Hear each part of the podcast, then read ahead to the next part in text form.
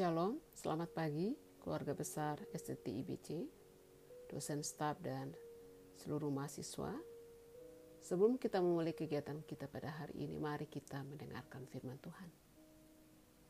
Seperti pemasur mengatakan, firmanmu adalah pelita bagi kakiku dan terang bagi jalanku. Firman Tuhan kita perlukan. Firman Tuhan bermanfaat untuk menegur, menasehati, dan mendidik Firman kita, Tuhan kita perlukan untuk menasehati kita, untuk menegur kita, untuk menghiburkan kita, untuk menguatkan kita. Dan melalui kuasa firman Tuhan akan ada mujizat-mujizat yang terjadi dalam kehidupan kita. Pada hari ini, renungan firman Tuhan akan saya ambil dari Matius pasal 7 ayat 1 sampai 28. Dalam perenungan saya pribadi, ayat-ayat ini, tema utama yang sedang disampaikan oleh Tuhan Yesus melalui pasal 7 Matius pasal 7 ini adalah pentingnya melakukan firman Tuhan dan kehendak Tuhan. Sekali lagi, tema utama adalah pentingnya melakukan firman Tuhan dan kehendak Tuhan. Mari kita mulai. Ada tiga bagian yang akan saya soroti pada hari ini. Yang pertama adalah Matius pasal 7 ayat 1 sampai 6. Ketika bicara Yesus menasihati mengenai jangan kamu menghakimi supaya kamu tidak dihakimi. Ini seperti ada kalau kita bisa buat drama, maka drama ini seperti ada dua pelaku di sini. Yang satu menjadi hakim, kemudian yang satu adalah orang bersalah. Satu orang benar, satu orang berdosa. Kemudian orang yang benar ini mencoba memperbaiki orang yang berdosa itu. Kemudian yang menarik Yesus mengatakan jangan kamu menghakimi supaya kamu tidak dihakimi. Kemudian ada perintah, keluarkan dulu balok di matamu baru engkau keluarkan selumbar di mata saudaramu.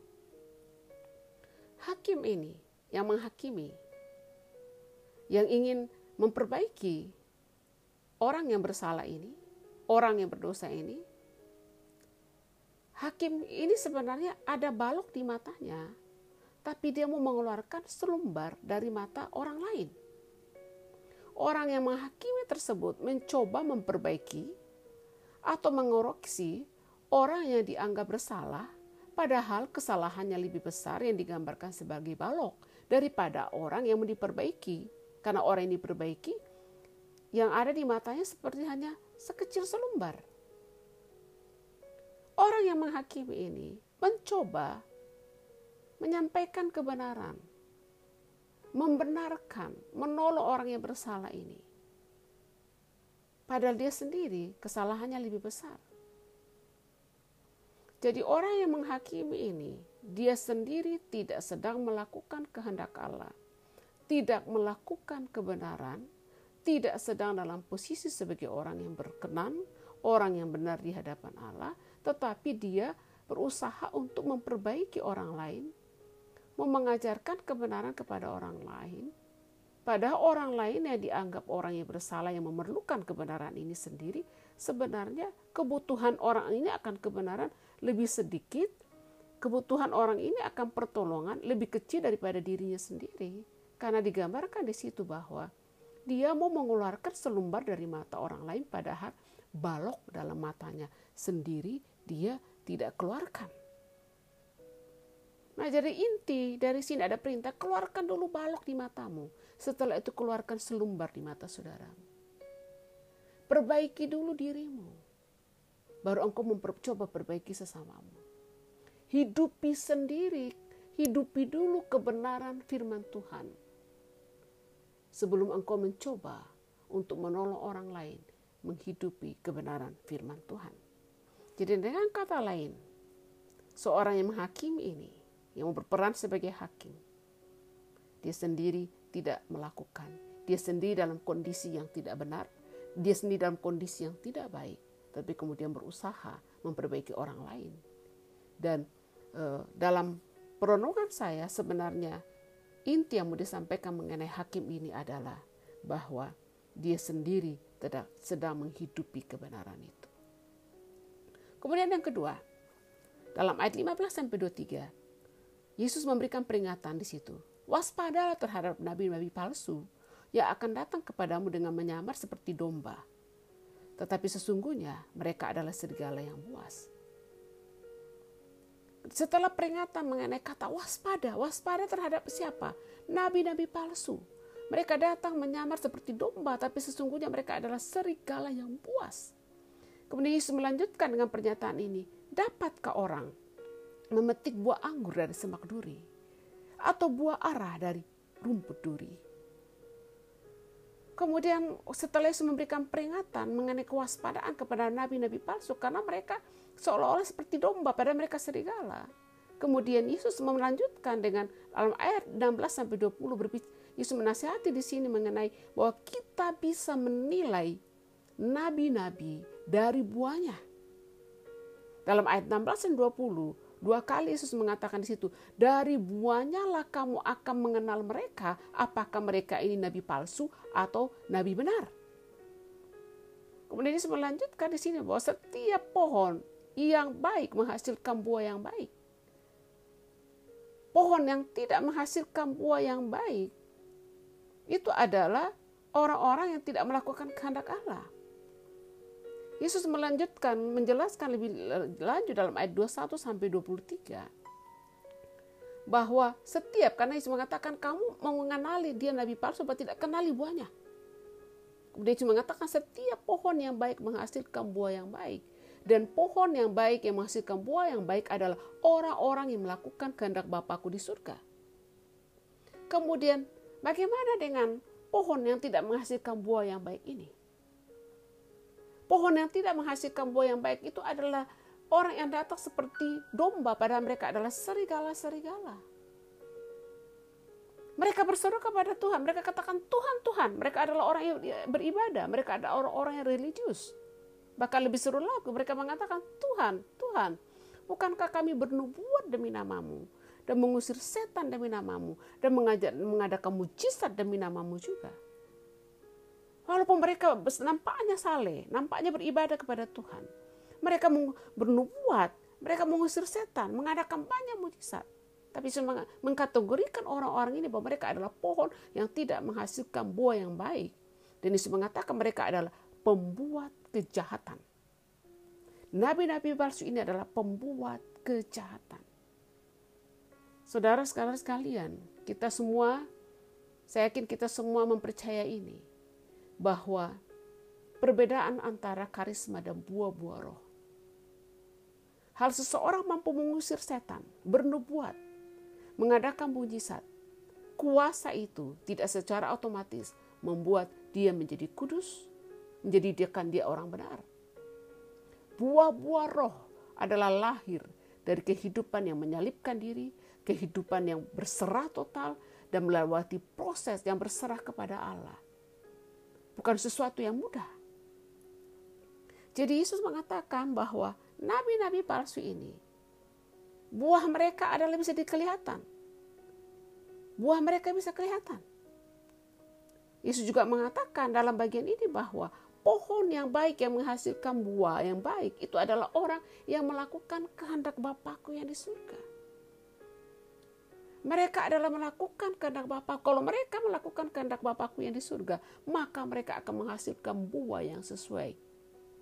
Karena tidak mungkin buah buah ara dihasilkan dari rumput duri. Anggur bisa dihasilkan dari semak duri.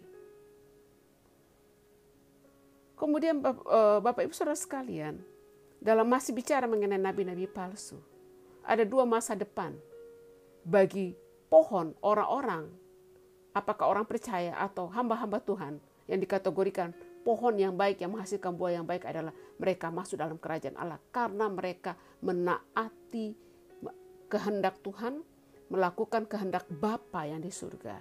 Sedangkan orang yang dikategorikan pohon yang tidak menghasilkan buah yang baik atau nabi-nabi palsu, mereka ini dikategorikan bahwa dikatakan bahwa Allah tidak mengenal mereka dan Allah menyebut mereka sebagai pembuat kejahatan dan mereka tidak akan masuk ke dalam kerajaan Allah. Jadi, cara untuk melihat nabi-nabi palsu, apakah mereka nabi-nabi palsu atau nabi-nabi yang benar adalah apakah mereka melakukan kehendak Allah. Dan kehendak Allah itu adalah kelihatan dalam buahnya. Seorang hamba Tuhan yang mungkin hebat di depan televisi, hebat di atas mimbar, melakukan banyak mujizat. Itu tidak secara otomatis dia adalah hamba Tuhan yang taat kepada firman Tuhan secara pribadi. Kemudian bagian yang ketiga. Di sini ketika Yesus bicara mengenai dalam ayat 24 sampai 27. Yesus menggambarkan di sini mengenai kalau saudara melihat dalam judul dalam perikot yang diberikan di Alkitab saudara adalah dua dasar. Dua dasar. Di bagian ini Yesus sedang menggambarkan dua jenis orang. Yang pertama adalah orang yang bijaksana dan orang yang bodoh. Kehidupan orang yang bijaksana itu, siapakah orang yang kehidupan orang yang bijaksana itu adalah orang yang mendirikan rumahnya di atas batu. Siapa orang bijaksana itu? Orang yang bijaksana itu adalah mendengarkan firman Tuhan dan melakukan firman Tuhan. Kemudian kehidupan orang yang bodoh itu adalah seperti mendirikan rumah di atas pasir. Siapakah orang bodoh itu? Orang bodoh itu adalah yang melaku, mendengarkan firman Tuhan, Orang bodoh ini adalah mendengarkan firman Tuhan tetapi tidak melakukannya. Jadi menggambarkan di sini dua jenis orang. Orang yang bijaksana itu seperti orang membangun rumah di atas batu, yaitu orang yang mendengarkan perkataan Tuhan dan melakukannya. Kemudian orang yang bodoh itu adalah orang yang seperti orang yang mendirikan rumahnya di atas pasir mendengarkan firman Tuhan tetapi tidak melakukannya.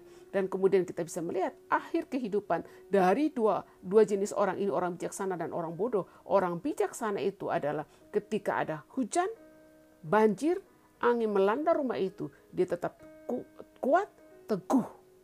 Dia tidak hancur. Sedangkan akhir kehidupan orang yang bodoh itu yang tidak mendengarkan dia mendengarkan firman Tuhan tapi tidak melakukannya adalah kehancuran ketika ada hujan, banjir dan angin melanda rumah itu, orang itu akan hancur. Karena dia tidak sedang mendirikan rumahnya. Kehidupannya tidak dibangun dengan kuat. Orang yang menaati firman Tuhan adalah orang-orang yang akan kuat. Badai kehidupan bisa menghantam kehidupannya, tapi dia adalah orang yang kuat.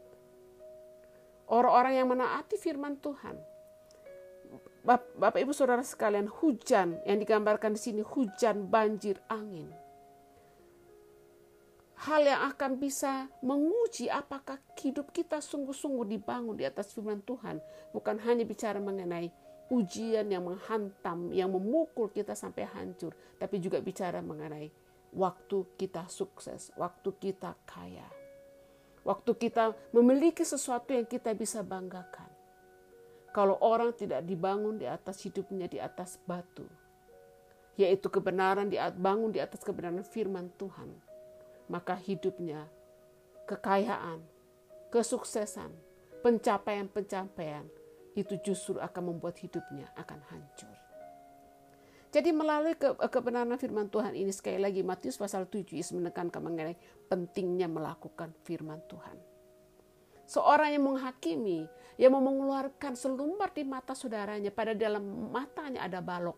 Sekali lagi kebenaran di sini ada bahwa kita harus menghidupi dulu kebenaran itu. Sebelum kita bisa membagikan kebenaran. Kita ingin mem memberitakan firman Tuhan yang memerdekakan. Engkau sendiri lebih dahulu harus dimerdekakan. Kemudian mengenai nabi-nabi palsu. Buah mereka saudara bisa bernubuat engkau bisa melakukan mujizat. Engkau bisa mengusir setan. Mungkin bisa ada di antara saudara yang akan dipakai untuk membangkitkan orang mati. Tetapi jika engkau tidak menaati firman Tuhan, maka kita adalah orang-orang yang dikategorikan sebagai nabi-nabi palsu. Kita mungkin jadi saudara-saudara, jangan terpesona dengan karisma, dengan mujizat-mujizat dengan kehebatan-kehebatan yang mungkin ditampilkan oleh orang di layar kaca atau di mimbar. Siapa diri sebenarnya dari seorang hamba Tuhan bukan yang tampil di layar kaca, bukan yang tampil di mimbar. Siapa diri kita yang sebenarnya adalah hubungan kita pribadi dengan Tuhan. Kemampuan seseorang kalau seorang diberi karunia membangkitkan orang dari kematian, melakukan berbagai jenis mujizat dan berbagai karunia-karunia rohani itu tidak secara otomatis kemudian membuat orang ini memiliki buah-buah roh. Karisma itu manifestasi manifestasi karunia roh tidak secara otomatis kemudian membuat orang diri itu orang benar. Buah-buah roh lahir dari pengalaman kita bersama Tuhan. Perjalanan iman di mana kita menyalipkan diri kita, memikul salib dan menaati firman-Nya dan buah-buah roh lahir dari proses hidup yang panjang. Kiranya kita menjadi hamba-hamba Tuhan. Saudara, engkau akan engkau kita baik dosen-dosen dan staf bisa mengambil pendidikan sampai ke gelar S2 dan mungkin nanti ada yang sampai ke doktor dan engkau mahasiswa baik engkau tingkat satu tingkat dua tingkat tiga tingkat dan mahasiswa skripsi engkau semua nanti akan diwisuda dengan gelar sarjana teologi kiranya kita tidak hanya begitu pakar berteologi begitu hebat berteologi kita memahami Alkitab dan kejadian sampai wahyu yang terpenting dari semua itu adalah kita melakukan firman Tuhan itu. Kita menaati firman Tuhan, menaati kehendak Allah. Kita menghidupi kebenaran itu. Sekali lagi, Matius pasal 7. Melakukan kehendak Tuhan, melakukan firman Tuhan dan menaatinya adalah hal yang terpenting. Karena kalau kita tidak melakukan dan tidak menaati firmannya dan kehendaknya, maka kita sama seperti orang hakim yang menghakimi orang lain yang mencoba mengeluarkan selumba dari mata saudara kita. Kita akan seperti nabi-nabi palsu itu. Yang bernubuat melakukan mujizat. Tapi di hadapan Tuhan kita adalah pembuat kejahatan dan Allah tidak mengenal kita. Dan kita mungkin adalah seperti orang-orang bodoh itu yang mendirikan rumahnya di atas pasir. Cintai firmannya, renungkan firmannya, dan lakukan firman-Nya. Selamat beraktivitas, Tuhan memberkati kita semua. Shalom.